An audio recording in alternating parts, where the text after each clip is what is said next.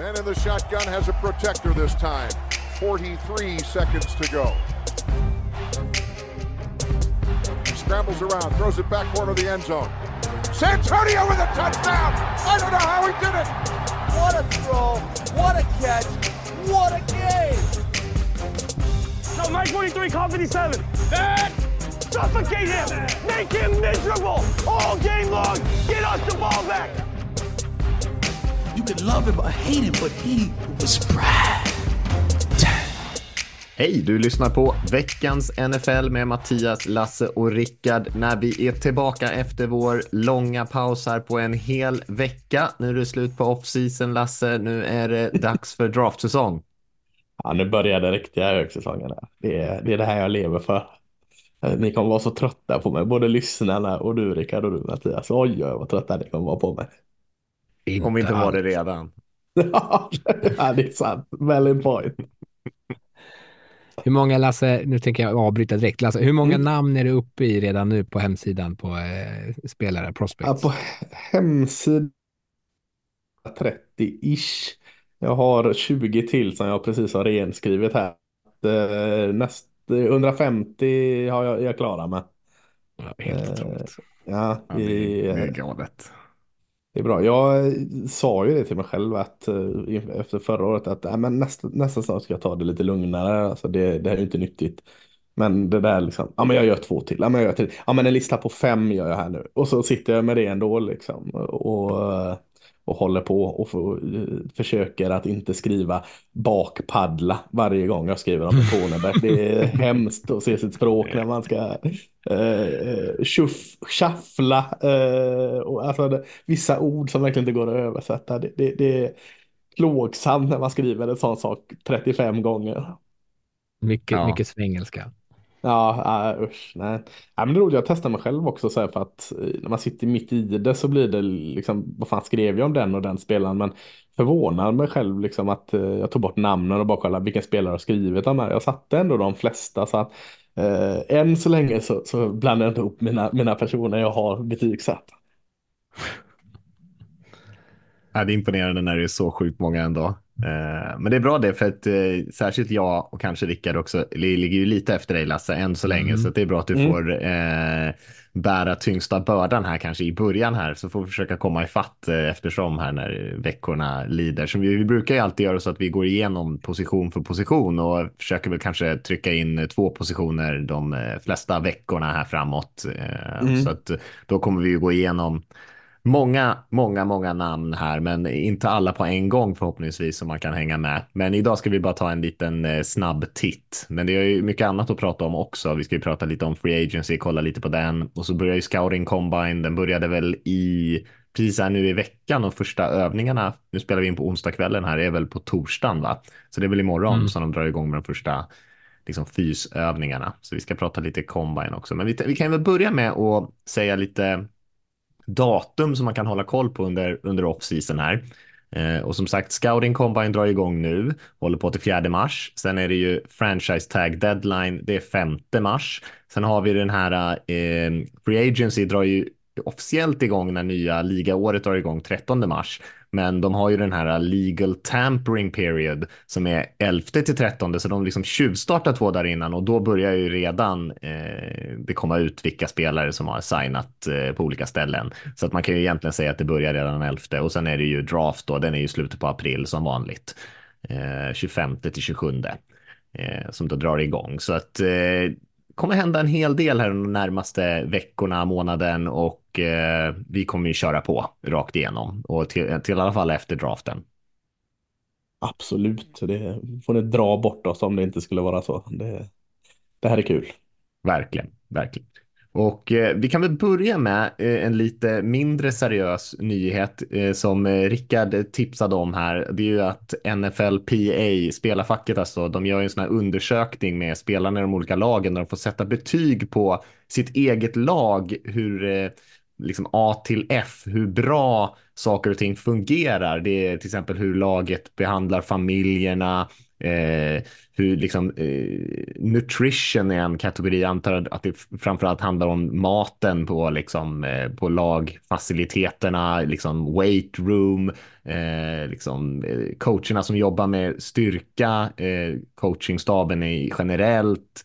Eh, ja, omklädningsrum och olika typer av eh, faciliteter. Var det, har ni kikat på den listan och är det någonting ni tycker som, står, som, som ni tycker står ut på den? Jag vet att du Rickard hade kanske kollat mest på den. Ja, jag kikade lite på den mest för att jag liksom rullade förbi mig i mitt Twitterflöde och också först och främst då att eh, Josh McDaniels var den enda som hade fått ett D i betyg så av trän alla tränare. Och att Raiders under McDaniels var det laget där spelarna hade minst eh, inflytande och det var sämst eh, utnyttjande av träningstid.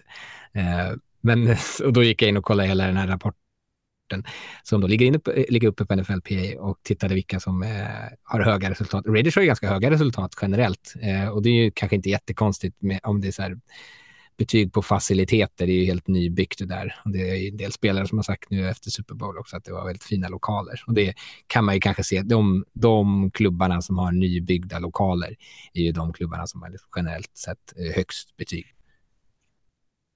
Ja. Mm. ja, jag noterade att eh, Cowboys hade typ eh, bäst betyg på allt, vilket jag eh, direkt pekar ut att det är ju, eh, det är ju källan till problemet. De har det för bra och för mysigt i, Dallas.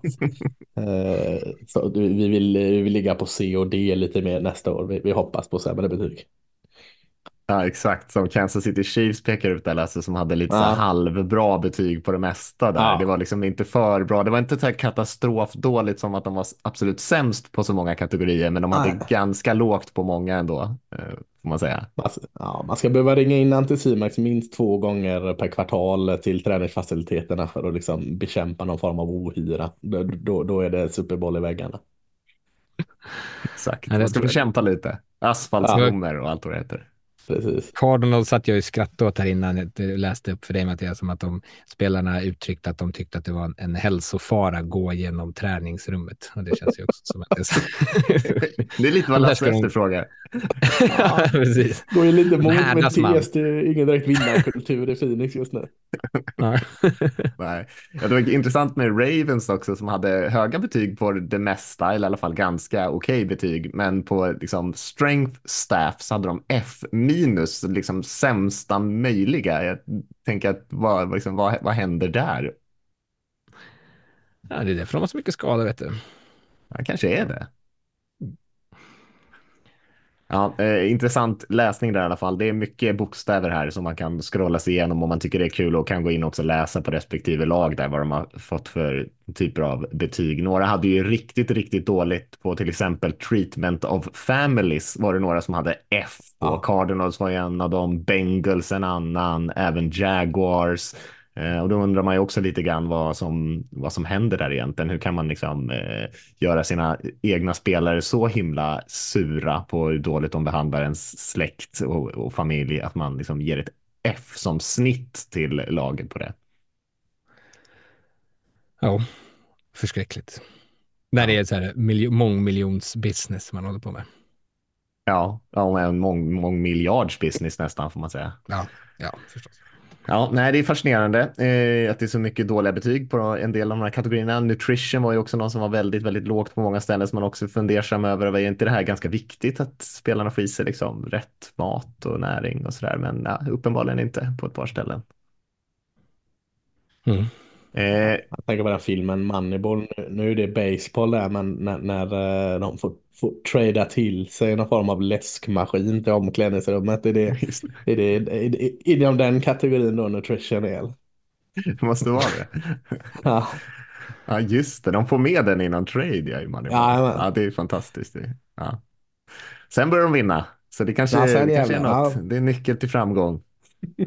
eh, Ska vi börja hoppa in och kolla lite grann på free agents och det innan vi kommer in i draft, eh, eh, draftsnacket och lite combine, för det är ju ändå det som är mest aktuellt kanske. Free agents är ju några veckor bort, men det börjar ju redan snackas och sättas ihop listor och sånt där och eh, Eh, Eh, ska vi, vi kan ju börja kika lite grann kanske på vilka lag som har eh, mycket utrymme. Och det är väl inte helt oväntat att det är lite av de sämre lagen som har ganska mycket cap space att röra sig med i år. Och det är väl också de som kommer slänga iväg mest cash på de här eh, spelarna som finns tillgängliga.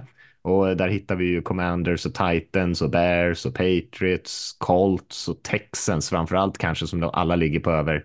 70 miljoner i space och sen de flesta lagen lyckas ju trolla med det där och hitta lite utrymme ändå. Men eh, ja, kanske framförallt intressant med Texans där att de har så himla mycket utrymme. Mm. Det, det är ju inte konstigt när man inte betalar för sin quarterback. Det, är ju också, det, det hjälper ju en del. Verkligen. Verkligen. Ja, och det kan man ju säga om alla de här egentligen.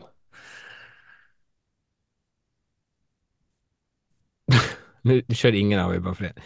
Eh, nej, jag hade inte så mycket att tillägga där egentligen. Men, men... Eh. Lång paus där. Lång konstpaus. Ladda, Lasse, Lasse ladda upp för något ja. riktigt uh, insiktsfullt här. Men, men det var inte så. Ja, inte Saints, ligger ju som de, Saints ligger ju som de alltid gör eh, längst ner på den här listan, typ för att de knuffar alltid på sina problem till framtiden. Det kommer de ju, har de redan gjort lite eh, och kommer väl fortsätta göra för att kunna ens behålla en eh, 53 spelare i truppen överhuvudtaget. Ehm, men eh, annars är det väl eh, kanske, känns som att det är ganska många lag som ligger lite där någonstans i mitten och, och eh, har möjligheter att justera kontrakt för att kunna plocka upp någon om de verkligen vill. Det är ju en ganska intressant grupp Free Agents i år. Ja, verkligen. Och det är, det är alltid så där, man vet ju aldrig riktigt. En, ett, en del av de här spelarna kommer ju försvinna.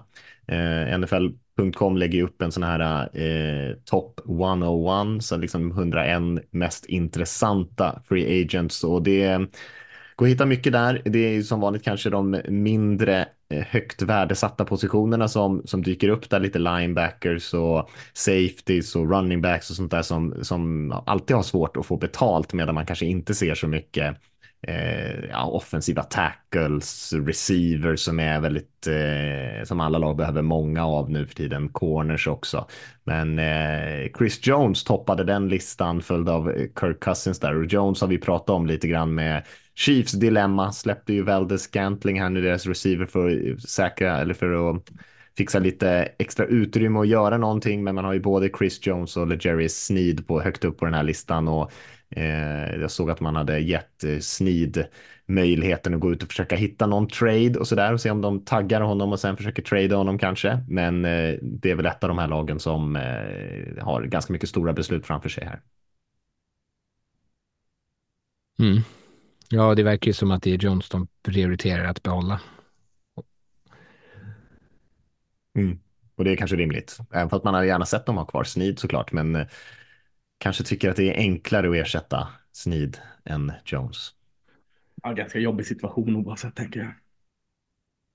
Ja. Eller både, det, det är både lyxig och jobbig. Ja. jag, hade gärna, jag hade gärna behållit en och tappat en i Raiders om jag hade Ja, jag har gått mål. Det är ganska mycket defensiva linjespelare, framförallt om man tittar på toppen av listan. Sen är frågan hur många som blir kvar och hur många som blir taggade med Josh Allen och Christian Wilkins, Brian Burns bland annat, Justin Madebike. Sen är det en del av dem taggas väl kanske eller signar nya kontrakt.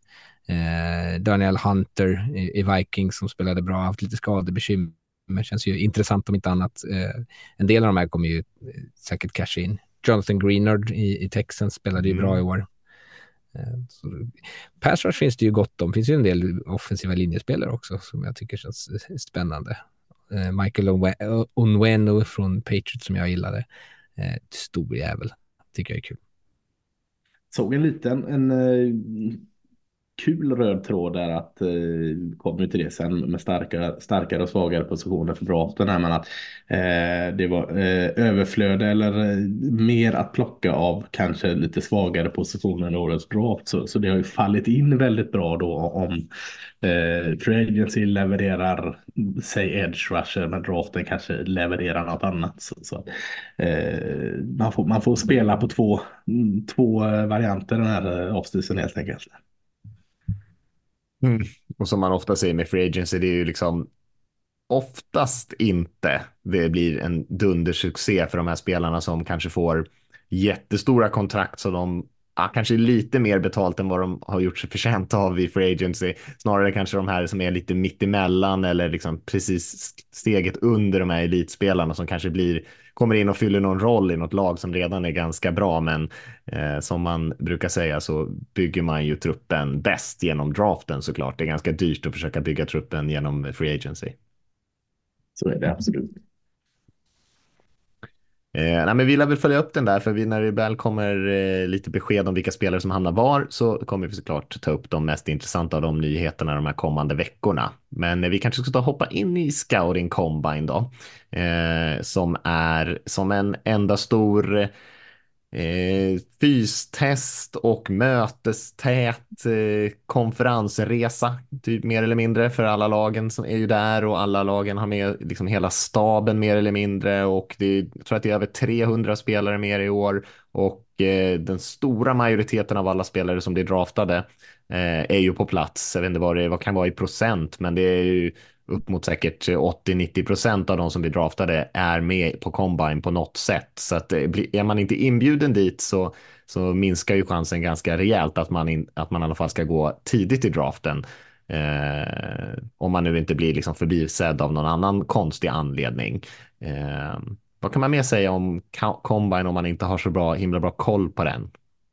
Mm. Nej men det du säger där är att, att eh, procentuellt eh, så eh, draftar spelare från Combine har ju inte eh, bara eller att göra med att vad de har sett på Combine utan det är ju de bästa spelarna som i sin tur blir bjudna till Combine så, så att det är inte så att make or break för en bra Combine utan de är ju där av en anledning. Eh, bara liksom stryka under att allt står inte på faller på att du har din livs bästa dag på Combine. Eh, du kan bli draftad ändå. Eh, men ja, eh, Combine i stort, den, den äger ju alltid rum, eh, i Indianapolis på den Lucas Oil.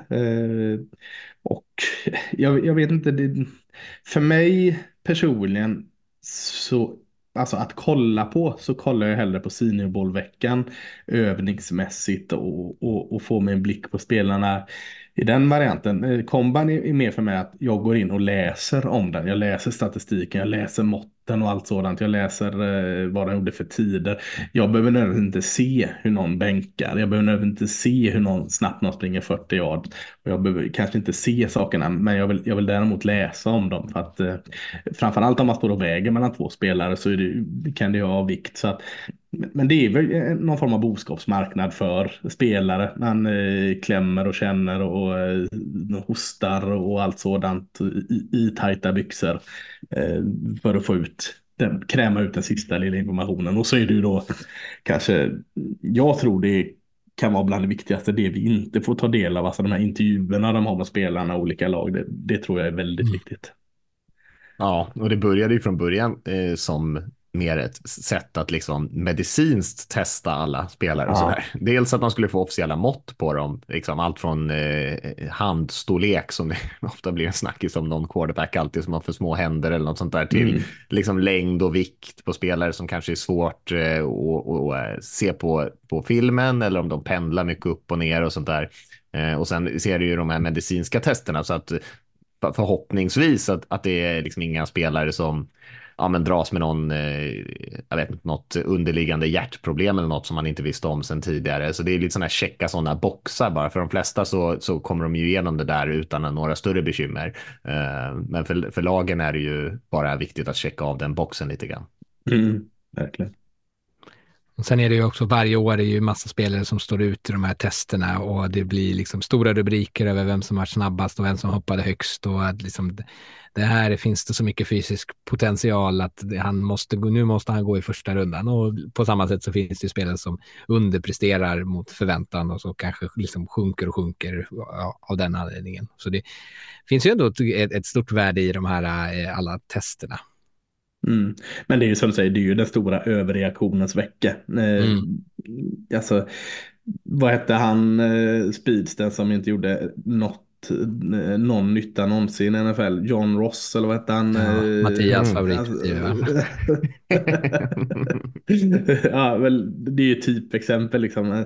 Han var väl en av receiversarna det pratades om men sköt i höjden något djävulskt när han sprang enormt snabbt. Mm så, man överreagerar här. Men det är klart, liksom, är man, alltså scouterna kommer in här de kommer inte in på noll här, eh, utan de, de, har sina notiser på en hel rad spelare.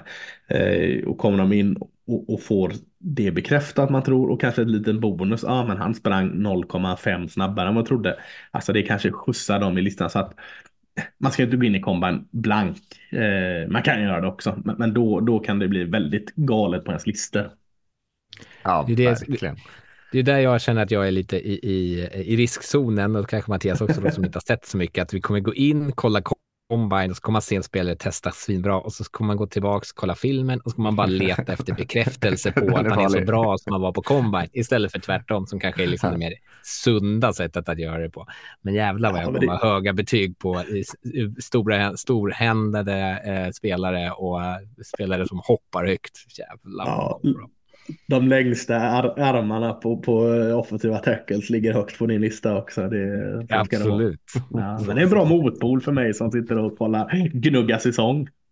Ja, vi, vi kan komplettera varandra. Ja, ja, visst. Vad hette han? Eh, Byron Jones hette han va, som gick till cowboysen. Eh, som eh, Just det, yeah. från Yukon eller något kom han. Ja, just det, som, den är ju kul den övningen att kolla på. När de hoppar. Så, världsrekord i stillastående ja. längdhoppen. Ja.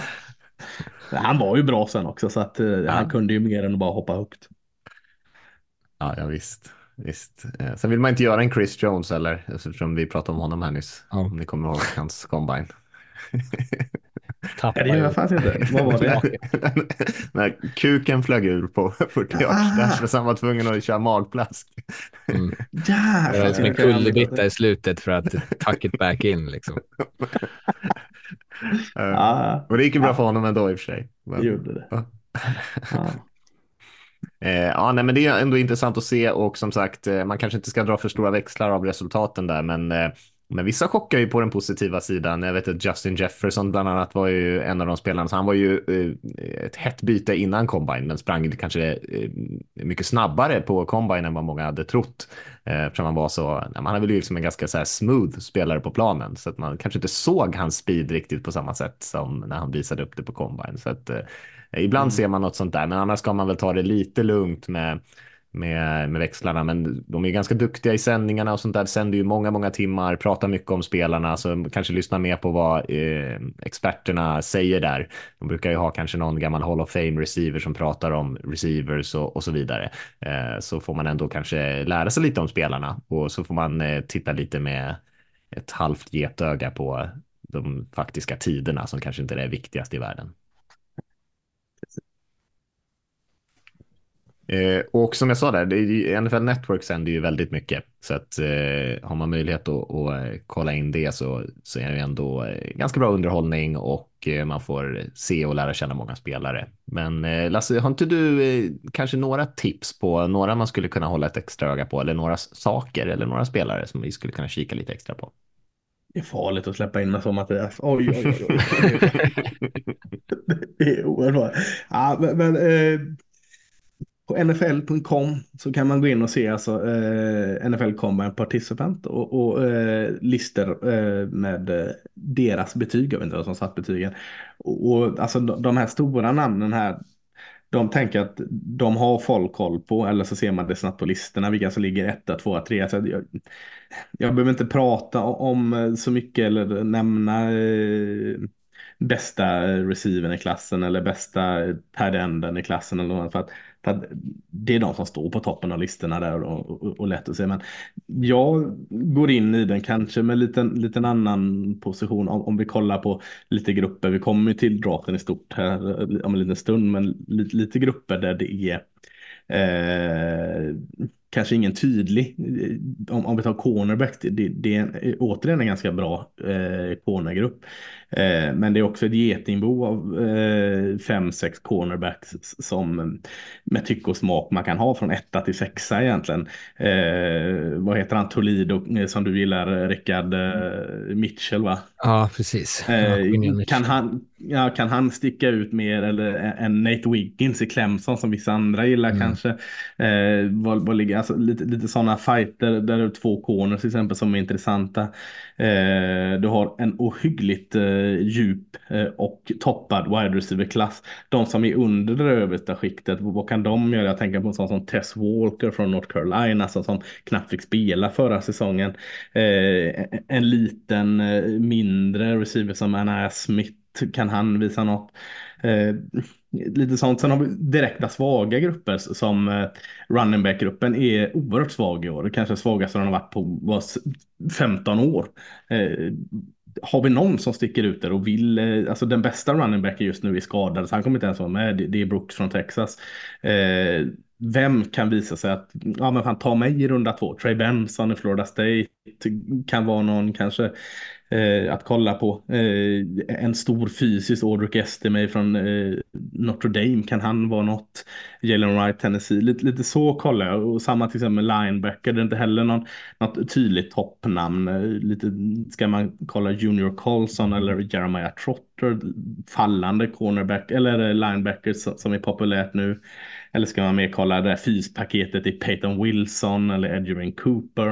Eh, Lite sådana in tycker jag då kanske är roligare än att bara rabbla toppnamn här. Eh, hitta positioner som eh, den inte är något tydlig. Eh, jag vet att också du, du Rickard har några namn där, men jag tänker på en sån som Talese Fuaga, eh, right tacken från Oregon State som, som såg så oerhört bra ut under senior ball.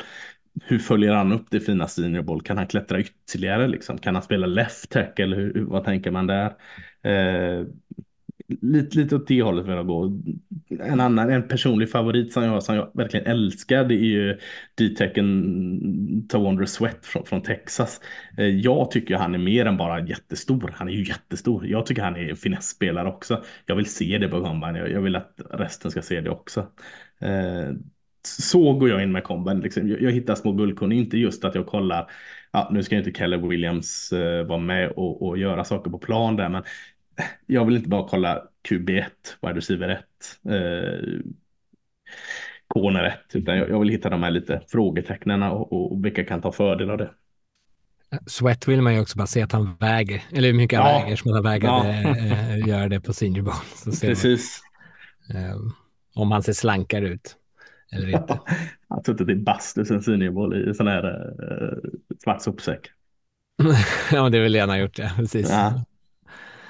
Uh, ja, det finns ju, eh, du nämner en del av de här positionerna. Jag tänker så här, uh, edge-positionen också. Vem är det som liksom ja. kan ta, koppla tag om de där? Det har pratats om Dallas Turner bland annat som är så superfysisk. han kommer säkert imponera jättemycket. Jag tänker, nu tappar jag namnet på honom bara för det. Fan, som Falcons plockade för några år sedan som också gjorde en sån här bra combine. Beasley? Ja, Ja, precis. Vic, Beasley som också liksom bara så här, liksom cementerade en, ett, ett, ett, ett, att bli ett toppval för att han såg jävligt bra ut på combine. Men om Turner kan och sånt. Eh, och på andra sidan spektrumet med, med Latu, Latu, Latu från UCLA som snarare med en tekniker. Nu ska han testa, han ska väl testa allting också tror jag här. Han mm. kan snarare tänka, eh, han behöver snarare över, eh, eller han behöver motbevisa förväntningarna. För jag tror inte att han kommer testa sig jävla bra. Eh, då kanske han liksom faller ner. Men det, det här, the pecking order av de här spelarna på edge-positionen. Jag tycker på tackle-positionen också. Eh, mm. Du nämnde ju Fuaga, men Amaris Mims från Georgia som är sån här spelare mm. som inte har så mycket liksom film, eh, kommer säkert testa skiten ur era combine och så kommer han klättra. Tyler Guyton nämnde du här innan vi började spela in också, sån här fysiskt eh, talangfull spelare. Den typen av tackle som också så här, vem, vem är liksom fyra femma på listan? På något vis. Så det finns ganska mycket av de här eh, som du säger, att här, sortera vem som ska komma i vilken ordning som känns intressant. Mm, ja men verkligen så. Och så eh, prata edge där. En edge som jag inte har högt betyg alls på. Jag kommer, det kommer ta mycket fast mot det. Men en sån som Chop Robinson från, från Penn State. Mm. Eh, som har liksom ett element han bemästrar just nu. Och det är hans snabbhet. Hur mycket liksom kommer folk slå bakut att han springer en galen 40-tid liksom. Mm. Kom, kommer, kommer antagligen klättra på det också. Och då, då blir det så lätt att bortse från alla andra brister. Eh, då ser, ser, man bara potentialen. Ja, ja, allt det andra kan vi ordna, men kolla hur snabb han är. Eh, mm. Sharp Robinson kommer ju vara sån som klättrar garanterat. Ja, men några av de där Så- också som ni nämner och även Lato och Sweat också, så är det kanske mer också intressant hur de presterar i några av de här övningarna man ändå är i liksom shorts på något sätt och ska röra sig lite grann i sidled, ser vi lite Mm. grann hur smidig man är på att byta riktning och sådana här grejer. Eh, som kan vara lite intressant att se, men där man också kanske var försiktig med att dra för stora växlar. Då. Det är inte alltid man kanske hamnar i den typen av situationer, men lite sådana övningar gör de ju ändå när de ska byta riktning eller eh, rotera höfterna och, och, och springa åt, en annan, åt ett annat håll och sånt där. Eh, så man ändå kan se lite grann hur de hur smidiga och smärta de är, några av de här lite större killarna som kanske ofta går rätt in i kontakten liksom på, på matchfilmen. Ja, absolut. Så jag har ju två offensiva tackles som jag har ju massa spelare där jag absolut inte håller med eller gemene man, alltså en sån som Javon Foster, tackle från Missouri. Jag har svårt att hitta fel på honom när jag kollar film, när jag har kollat alla matcher. Så honom vill jag, och han har inte alls högt betyg eh, i, i nästan allas listor. Så, så jag, vill ju, jag vill ju på något sätt hitta här på när man ser de här fotrörelserna när de går ner och plockar tennisbollar eller vad fan ska de göra. Här vill jag ju se det och här vill jag bli motbevisad på mig själv att en spelare som Javion Foster eller eh, vad heter han i BYU, Kingsley Suamaitaya. Mm. Liksom, aha, det är det de menar, det är de bristerna, de kanske inte jag har sett innan. Det, det letar jag efter, så, så jag kommer ju verkligen zooma in när det är de där. Varför har jag 78 i betyg på den här spelaren när alla andra har 60 i betyg? Jag måste ju eh, jag måste ha något fel och ser jag inte att jag har något fel så tänker jag fan jag ska stå fast vid det. Men, men eh, då har jag i alla fall liksom gett en chans. Ja. Kingsley Suamatia, eller hur man nu uttalar hans namn, Mm. från är Där. Han kommer ju däremot testa jävligt bra. Så om du Ja. väntar på att du ska bli, liksom, att han ska visa att det finns ett skäl till varför han inte är så högt rankad så kommer han Nej. snarare tvärtom. Han kommer nog klättra på en del listor. Ja, rädd han liksom, bli gemene man bör närma sig ditt höga betyg. sånt. Ja, jag vet, jag är där. Här kommer bli min topp top tackle här, vilket är helt sjukt. Okej, okej, Panther kan vi, kan vi eh, flagga för också. Eh, jag vet inte hur man ska liksom utvärdera en Panther. på Pantar de ens på combine? Det, gör de ju inte. Nej, jag vet inte. Eh, jag vet inte. Måtten kanske man kan få i alla fall. Men, men Tory Taylor från Iowa, det, är ju mest för att det är oerhört kul. Iowa är ju, jag har alltid bra säsonger i college. Alltså, det är ett lag som går 10-2 oftast. Men eh, alla pratar bara skit om dem för att de har noll och ingenting offensiv. Och så har de en svinbra defensiv och så har de en panter som sätter bollen på femyardslinjen hela tiden. Eh, de hade ju seriösa kampanjer i, i eh, Iowa City där att eh, Tory Taylor och pantern i Iowa skulle liksom nomineras för Heisman Trophy. Så att eh, jag vet inte vad man får ut av att kolla på en panter på, på Combine men, men notera Tory Taylor i alla fall. Eh, tycker det är kul med lite sådana seed stories. De ser ju sällan särskilt eh, fysiskt imponerande ut, alla dessa eh, specialister. Kickers. Nej, I jämförelse så brukar de inte Ja. se så himla bra ut. Nej. Nej. Ja, ja, intressant. Eh, Är det någon av er som har eh, schemat för träningarna i huvudet eller framför er? Det börjar ju på torsdag, men liksom, vad är det, vilka positioner är när? Är det någon som vet det? Eller kan plocka fram det på ett smidigt sätt? kan säkert plocka fram det på ett smidigt sätt.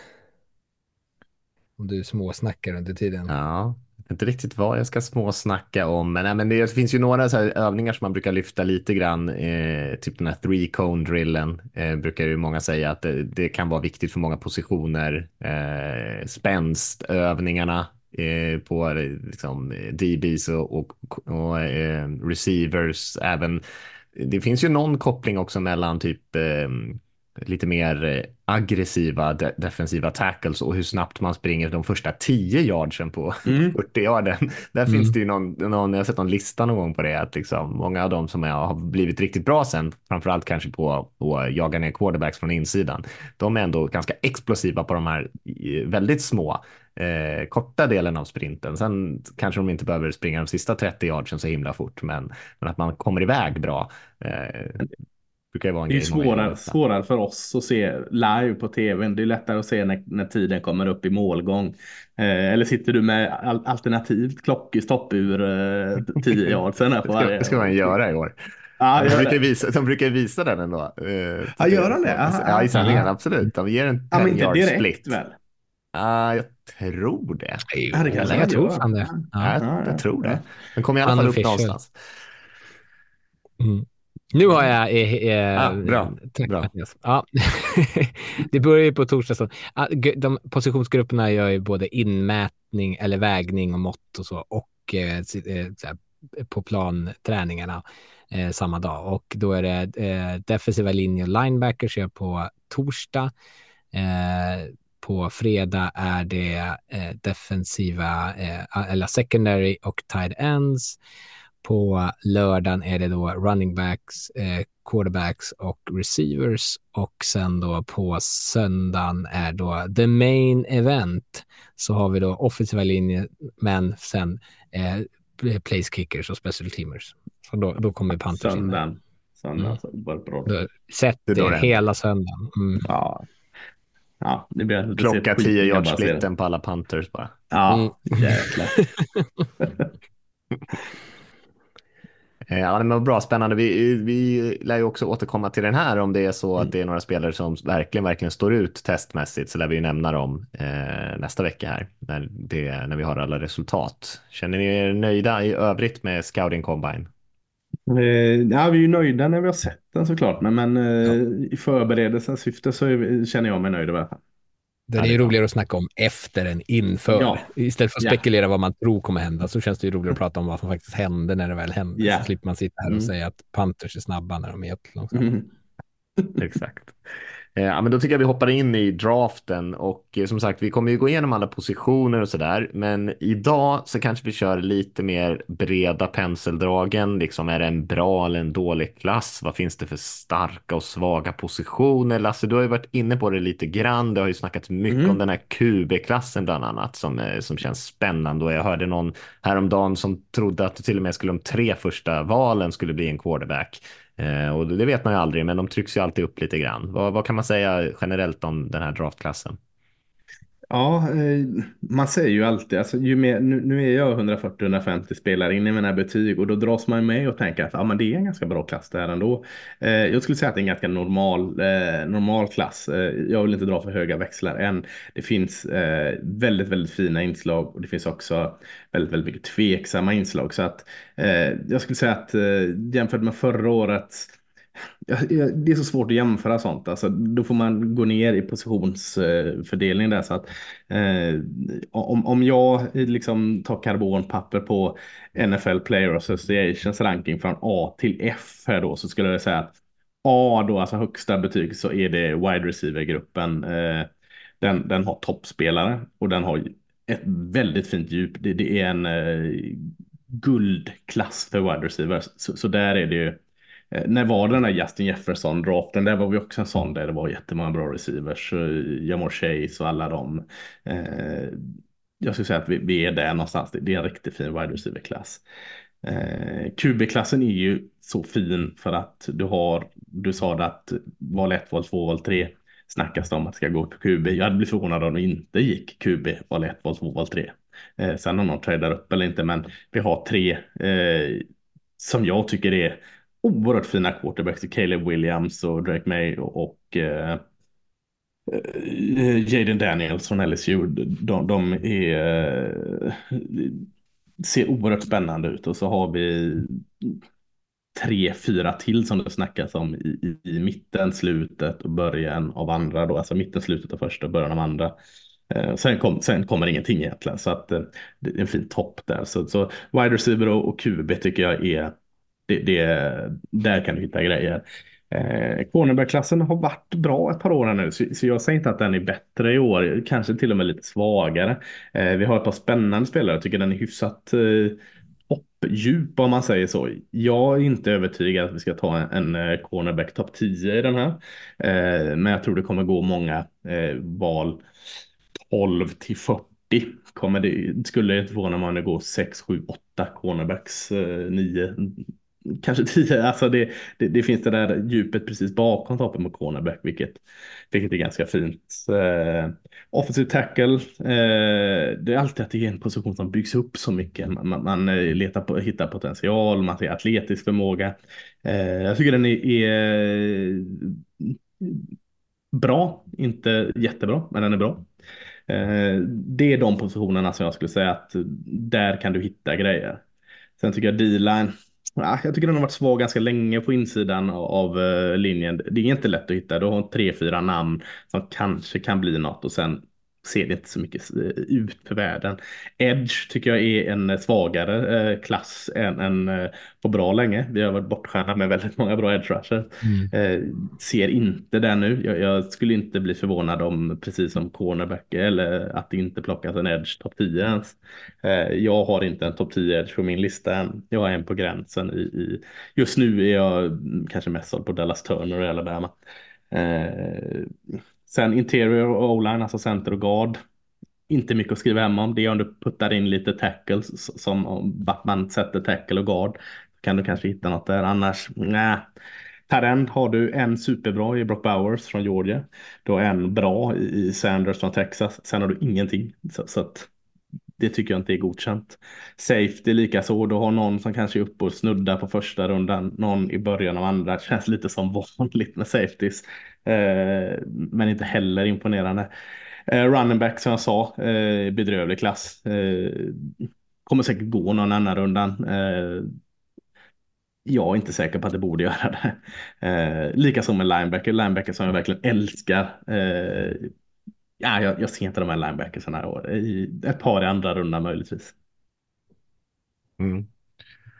Ja, intressant. Det, running back är en sån här grupp, de brukar alltid gå rätt mycket i mellanrundorna för de är ganska så här, mm. användbara i special teams och sånt där, så kan spela mycket olika roller. Kanske inte blir de där som eh, har liksom 25-30 carries per match, men eh, man har alltid ett gäng i truppen på något sätt för att de kan göra mm. massa olika saker, liksom, men kanske inte blir stjärnor. Mm. Jag, tycker, jag tycker det är där du pratar om att vi saknar eh, edge. Det finns en del, och det är lite som i några av de här positionsgrupperna, att det är lite tyck och smak och kanske vad man väljer att våga chansa på. Men edge-klassen har vi ju, som du sa, varit bortskämda med att det alltid funnits, liksom alltid. Men de senaste åren har det liksom varit ett väldigt tydligt toppnamn som säger, ja men ska, när ska första edge, när ska den här edge-spelaren gå igen? Kanske nummer tre. Men här så sitter mm. man och gör mockdrafts eller tittar på mockdrafts så känns det som att det är svårt att hitta plats att sätta in ens en försvarsspelare topp 10. Liksom en, Det är mm. lätt hänt att man inte står förrän liksom val nummer 14-15 innan man eh, liksom hittar plats att eh, peta ut någon. Um, så det säger ju kanske någonting. Jag tycker att offensiva tacklegruppen är stark, eh, inte bara ganska bra, utan stark. Eh, mm. Och sen som du sa, beroende på vilka man ser som framtida guards som man skulle vilja peta in dem där. Men eh, behöver man offensiva linjespelare så kan, känner man sig nog ändå ganska trygg, tror jag. Ja, nej, men jag, jag köper att det är bara att ja, det är inte det där if-faktorn. Jag är ju inte än såld på Alt till exempel i Notre Dame. Eh, nu sköter, vad heter han, Foaga i Penn State. Eh, det kanske är de, de här två toppnamnen då som, som jag de senaste åren har sett mer tydliga eh, toppnamn, än, eller mer bättre två toppnamn. Det kanske är att mm. bredden är från, från val nummer 8 till val nummer 18 kanske ja. är bättre. Det kan ju ligga någonting i. Ja.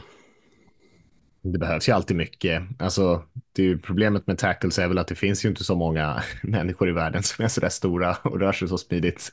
Eh, så det är alltid ett dåligt urval. Det känns alltid som ett underskott av offensiva tackles i NFL. Det är många lag som behöver, men det är alltid svårt att hitta. Eh, och ja, linjespelare överhuvudtaget. Jag menar, med tanke på hur mycket skador det är på offensiva linjen också, så behöver man ju säkert en sju starter-kaliber eh, linjespelare liksom i varje trupp Eh, så eh, den är alltid klurig. Man kan hitta säkert eh, lite mer ja, rollspelare eller sådana där som inte eh, står ut kanske, men som ändå gör sitt jobb rätt hyfsat. Men eh, de flesta lag vill ju ha en riktig sådär, superstjärna på, på i alla fall left tackle position, i alla fall någon av sina tackle positioner och det är ju, det är ju svårt om man, om man inte har någon. Ja, och det är lite spännande att du säger left tackle för att eh, det är ovanligt många eh, bra eller potentiellt bra right tackles så årets eh, draft, vilket ret eller stör mig lite. Det, det, alltså om vi tar eh, Foaga som vi pratar om Oregon State har spelat right tackle. JC Latham i Alabama har spelat right tackle. Eh, vad har vi mer? Mims i Georgia då som, som kanske är en freak har spelat right tackle. Eh, och, och, alltså det, det, är, jag skulle säga att det är nästan mer right tackle topp 10 än vad det är left tackle och, och, det är man inte heller riktigt van vid. Man är alltid van vid att den bästa, eh, ja, han har ett par år på nacken som left tackle. Eh, ja, eh, Fasano och Alt har väl det, är väl left tackle, men sen har vi lätt en Fuaga, Mims, liksom right tackle, så att ja, det är också lite speciellt. Ja, och som du säger, Fuaga är en och annan som vill peta in på mitten av linjen dessutom. Ja. Mm. Mm, ja, intressant. Bra, bra genomgång där tycker jag Lasse. Om vi nå, jag skrev upp en liten fråga om liksom snackisar i den här draftklassen. Finns det någon liksom som eh, det pratas mycket om, som det är mycket stories kring? Är det någonting som är liksom något sånt där som dyker upp i huvudet på dig Lasse, när jag säger så? Någon specifik spelare så, så är det väl alltså det tråkiga svaret Caleb Williams, alltså quarterbacken från USC. Eh, det har pratats om hans inställning, eh, att han, eh, ja, han vill bara gå till den klubben han vill gå till. Han vill, alltså det här är ju rykten, eh, så att jag säger inte att det är så här, ah, han vill ha delägarskap i klubben han ska gå till. Vad, vad är hans fokus egentligen? Eh, är, är han eh, liksom all in på det här med på plan istället eh, än, än allt runt omkring. Eh, hans pappa tycker att det ska vara så. Alltså, så det är ju en snacket på vad, vad Caleb var Caleb Williams står någonstans. Alltså, är det här en, en, en chansning värd att ta för att han har eh, en unik potential? Det, det säger jag att han har. Eh, han, alltså som Lamar Jackson när han kom in, han hade något unikt. Han gick i slutet av första. Eh, Patrick Mahomes hade något unikt. Han gick i, i övre halvan, men inte Kelly Williams har också något unikt i sitt spelstil. Det ska vi komma till mer sen när vi pratar quarterback, vad jag tycker som är eh, som jag aldrig har sett från en quarterback innan med Kelly Williams. Han har det unika. Det i sig är också en chansning. Det är ju därför Lamar Jackson gick där nere och det är därför att ingen tog med Holmes nummer ett, att de här unika egenskaperna som de kanske kan få ut. Det, det är där kanske understryket och lägg det till då att det har mumlats om hans eh, fokus på andra saker än just liksom eh, nu ska jag visa vad jag kan oavsett vilket lag som kommer så är ju det lite snacket vad fan ska stå Kelly Williams? Ska Bears ta honom? Eh, kollar man på plan och kollar man potential så, så, tycker jag det är svårt att motivera någon annan före honom. Men det här surret måste ju vara lite stressande. Framförallt när det är den liksom som tar man inte honom och så blir han nästa eh, Mahomes då står man där och har sagt att ah shit, vi tog inte Kelly Williams för att vi trodde han ville ha en procent ägarskap av Bears. Eh, så det är ju snack, det är ju en snacket och, och, och Samtidigt quarterback är snacket. Är Jaden Daniels QB2 eller är Drake May QB2? Alltså LSU Daniels som är, eh, har en jäkla bomb till arm och, och är atletisk eh, grym. Eller Drake May som, som eh, klarar av varenda jäkla kast och, och eh, läser spelet eh, bättre än någon kanske. Vem är QB2? Vem vill man ha där? Så att QB är snackisen. Och, och det är väl på något sätt kul att QB är snackisen. Men QB är ju en jäkla kul position att snacka om. Mm, ja visst, och det blir ju så såklart eftersom de är så himla viktiga. Så att då, eh, både pushas de upp lite grann och pratas mycket om och eh, som vi kanske såg också i Texans här nu, får man in rätt QB så kan det ju förändra rätt mycket runt omkring också. Så att eh, det är väl inte så konstigt, men det är som du säger, det är ju roligt då att det finns ett helt gäng eh, riktigt bra, spännande spelare där också, så att det inte är så mm. att eh, man liksom sitter och letar med ljus och lykta efter att hitta någon som är liksom värdig, utan här, här har vi ändå ett par stycken som, som känns, känns väldigt, väldigt spännande. Mm. Och så det som, som Rickard nämnde här att eh, han hade svårt att hitta en fit för en, en cornerback och en edge. Det är också en snackis att den är oerhört eh, offensiv eh, laddad topp 10. Alltså nu pratar vi om tre quarterbacks här så har vi tre wide receivers i Marvin Harrison Junior. Vi har Malik Neighbors, vi har Romo Dunce. Det är tre, det är, det är sex spelare av här då. Alla de eh, ska gå topp 10 tänker man.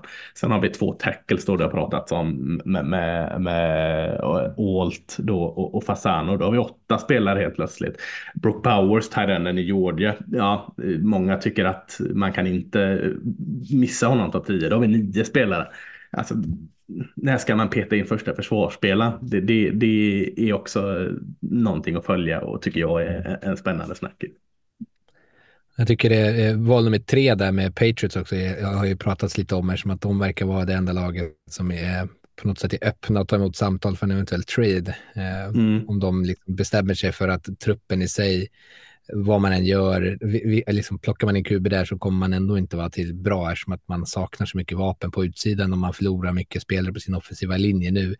Eh, så det är lite av en snackis vilka lag som är intresserade av att komma upp där, för det ligger ju ett, ett gäng lag liksom i övre halvan, men utom räckhåll där med Falcons och, och, och Mitt Raiders och Vikings, då beroende på vad som händer med Cousins bland annat, eh, som mm. liksom eh, skulle vilja kanske komma upp ett par positioner för att eh, plocka en QB. Och sen har vi pratat om vem som är QB4 med JJ McCarthy som är liksom eh, plötslig liksom mediaälskling mm. från Michigan.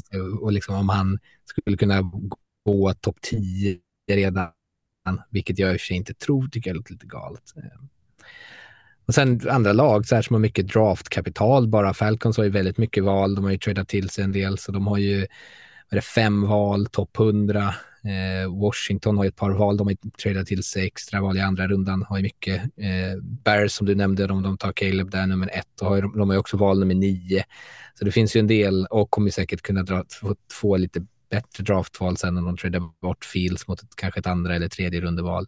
Så det finns ju också en del lag som har ganska mycket draftkapital som kan göra lite det som Texans gjorde i fjol då, eh, med liksom höga draftinvesteringar vända liksom eh, en franchise bara på en väldigt jävligt lyckad offseason.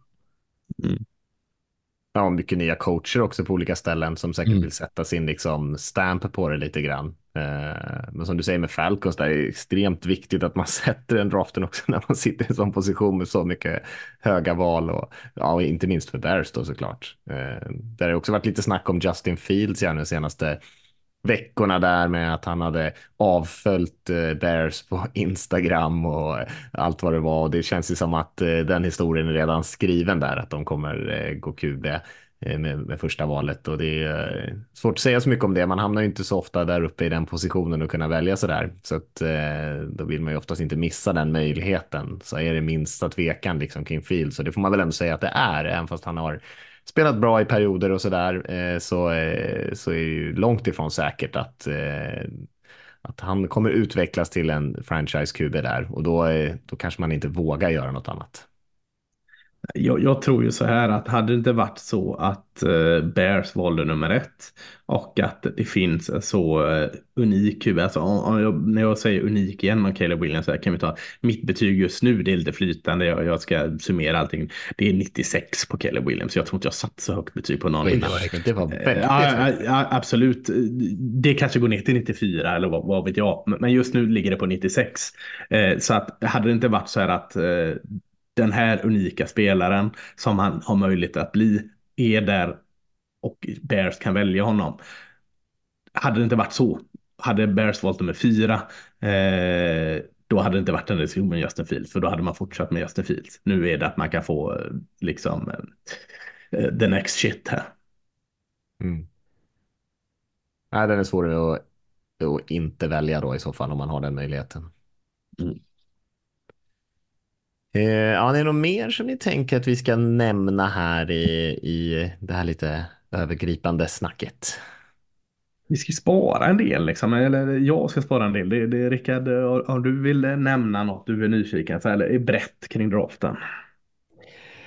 Jag tycker ändå att du har summerat det ganska bra. Eh, jag ser fram emot att hinna liksom titta i fatt här nu då efter alla som imponerar på Combine. Eh, men börja titta på alla spelare. Jag har ju Eh, framförallt har jag ju kollat de spelarna inför Senior Bowl som vi behöver titta på då, eh, mm. eller som jag tittade på då. Eh, men eh, jag tycker att det känns eh, som en ganska spännande klass, kanske inte skitstark, eh, men eh, toppspelarna känns som det, det, här, det vi pratar om nu med alla snackisar, det känns som en en draft, i alla fall just nu, det kommer det säkert klarna när det närmar sig, men som är ganska svår att sätta fingret på eh, hur, det liksom, hur, hur, pulsen kommer vara under dag, alltså under själva draftdagen. Det, I vissa år har det känts som att man vet, nu kanske vi kommer känna val 1, 2, 3 kommer vara självklara, men efter det så känns det lite, ja, fyra kanske då. Efter det så känns det lite mer eh, oklart och riktigt veta vad som kommer att hända. Och sen krävs det ju bara en trade på ett tillfälle för att det ska helt, bli helt bananas. Men mm. eh, Ja. Det, känns som en, det känns som ett kul år. Mm. Nej, jag håller med. Och, och möjligt att vi kommer eh, vara säkra på att Caleb Williams går nummer ett i Bears. Men ja, nu kanske det är någon som tradar upp här. Men även om det är någon som tradar upp. Alltså, vad vet vi om tycke och smak på Jaden Daniels och Drake May på de som väljer två? Alltså, mm. för mig är det jättespännande val två. Är det ett lag som eh, ser att de får nästa Lamar Jackson eller är det ett lag som ser att de får nästa ska inte dra jämförelser med andra, men, men eh, vad vet jag, Tom Brady, Drake May. Eh, alltså vad, vad, eh, vad vill de ha för spelare? Liksom, så val två är också jättespännande bakom. Eller kan det vara så att någon är så, så skraj för allting kring Kelly Williams. Så att shit, de tog Drake May i första.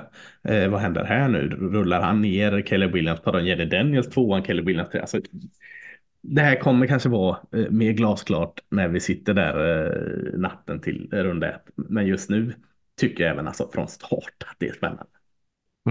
Mm.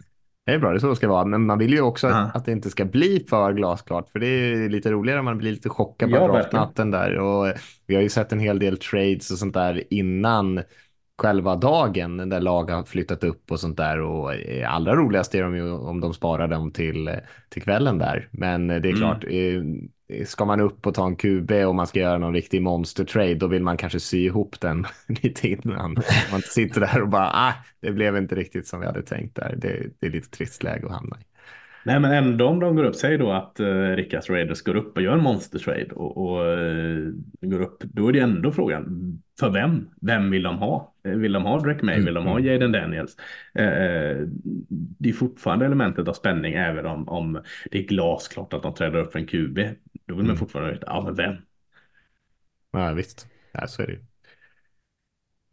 Um, vi kan väl, eh, vi kanske hoppar vidare där då. Vi, vi kan väl mm. Eh, tipsa igen då om att kika in på nflsupporter.se och läsa lite på eh, framförallt Lasses listor. Vi andra brukar ju försöka fylla på lite grann i betygen och så där, men just nu är det framförallt dina listor Lasse får vi ändå säga. Så det är kanske till och med bara du som har fyllt i några betyg och eh, omdömen på de där spelarna. Men, men, där kan man ju gå in och få en ganska snabb överblick. Det är uppdelat både på position och liksom ranking totalt och sånt där. Så det är väldigt snabb eh, för om man vill snabbt vill få en överblick över vilka de bästa spelarna är på de olika positionerna och sånt där. Det kan man ju också slå fram när man sitter och tittar på combine så kan man ta fram en lista över någon positioner och sånt där så man vet vilka man ska hålla ett extra öga på. Så det är ju ett tips.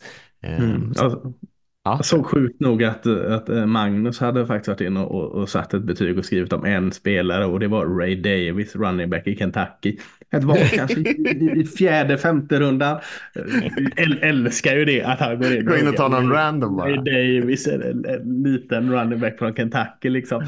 Som jag då har 57 i betyg på. Eh, liksom, så, så, det är ju kul ändå att, så det, det finns inte bara jag. Eh, Magnus alltså, alltså att det är ingen 96 där eller någonting. Nej, nej precis. Eh, men, men, det är väldigt viktigt att ni också går in och sätter lite betyg och drar ner mina tokbetyg som jag liksom när jag får. Tavondro Svett har jag 85 på just nu liksom. Där, måste ni gå ner. Oj. sätta 70 betyg på så att liksom eh, average på honom blir lite mer verkligt. För jag kan ju inte heller bortse från min kärlek till honom, men, men det ser ju ja. konstigt ut. Kändes, kändes lite så. Ja, mm. ja så, så snabbt in och betygsätta Wonders. Ja, direkt här efter, efter inspelning. Mm. Precis. Ja, men det är bra. Men det är en guldgruva där i alla fall. Det kan man ju säga. Och eh, om vi ska säga någonting om hur vi tänker framåt här med inspelningarna.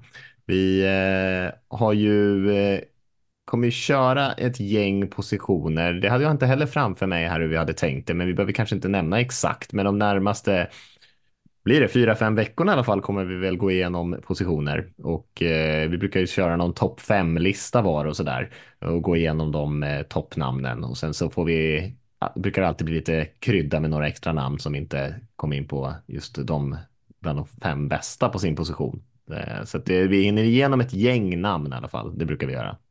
Det gör vi absolut. Och, och alltså veckan som kommer så kommer det, ju, det naturliga bli att vi, vi tar ju en ganska stor återblick för vad vi såg på Combine då. Eh, och så kommer vi börja in och, och eh, leka med två positioner där. Kanske några som vi inte behöver lägga så mycket tid på. Och sen rullar det på. Sen kommer Free Agents in och blandar sig i positionerna. Så att det kommer inte bara vara slaviskt att vi går igenom positioner utan det finns kryddor av annat också. visst är det så. Och eh, det kommer ju lite nyheter och sånt där också som dyker Mm. upp längs vägen här. Men det brukar vara roligt och eh, jag brukar alltid säga det att jag som inte följer collegefotbollen så himla noga, alltid kul att hänga med lite grann och lära känna de här spelarna för när de väl kommer in i NFL sen så har man lite koll på dem. Och det är ju alltid roligt för det ju, brukar ju vara ett gäng rookies redan sin första säsong som tar mycket plats. Såg vi inte minst här senaste säsongen och och sen som växer ut och, och blir liksom de stora namnen i ligan. Så att om man har hängt med med dem redan från college-nivån, i alla fall har en liten koll och, och det kan man ju göra om man vill gå och kolla det själv såklart. Eller så lyssnar man på oss och lär känna spelarna via oss eller Combine eller något annat. Men det brukar vara ett eh, jäkla plus tycker jag. Jag var inte med förra året och snackade draft av olika anledningar då jag inte hann med riktigt. Men eh, då känner man att man missar någonting. Att man betydligt Mm. sämre koll på spelarna än vad, än vad jag brukar ha i alla fall. Och det, det, var, det var inte riktigt lika roligt. Så att, eh, det är verkligen ett tips att försöka hänga med här och lära känna några av de här spelarna. För det, det får man igen sen när säsongen drar igång i NFL. Absolut. Eh, ja, men då säger vi väl så och syr ihop påsen för den här veckan. Så är vi tillbaka nästa vecka och pratar lite grann om eh, vad vi såg på Combine då som du sa Lasse och eh, lite eh, smygstarta med några positioner. Så säger väl tack för oss för den här veckan. Tack för att ni har lyssnat så eh, hörs igen om en vecka. Ha det fint. Det är gött.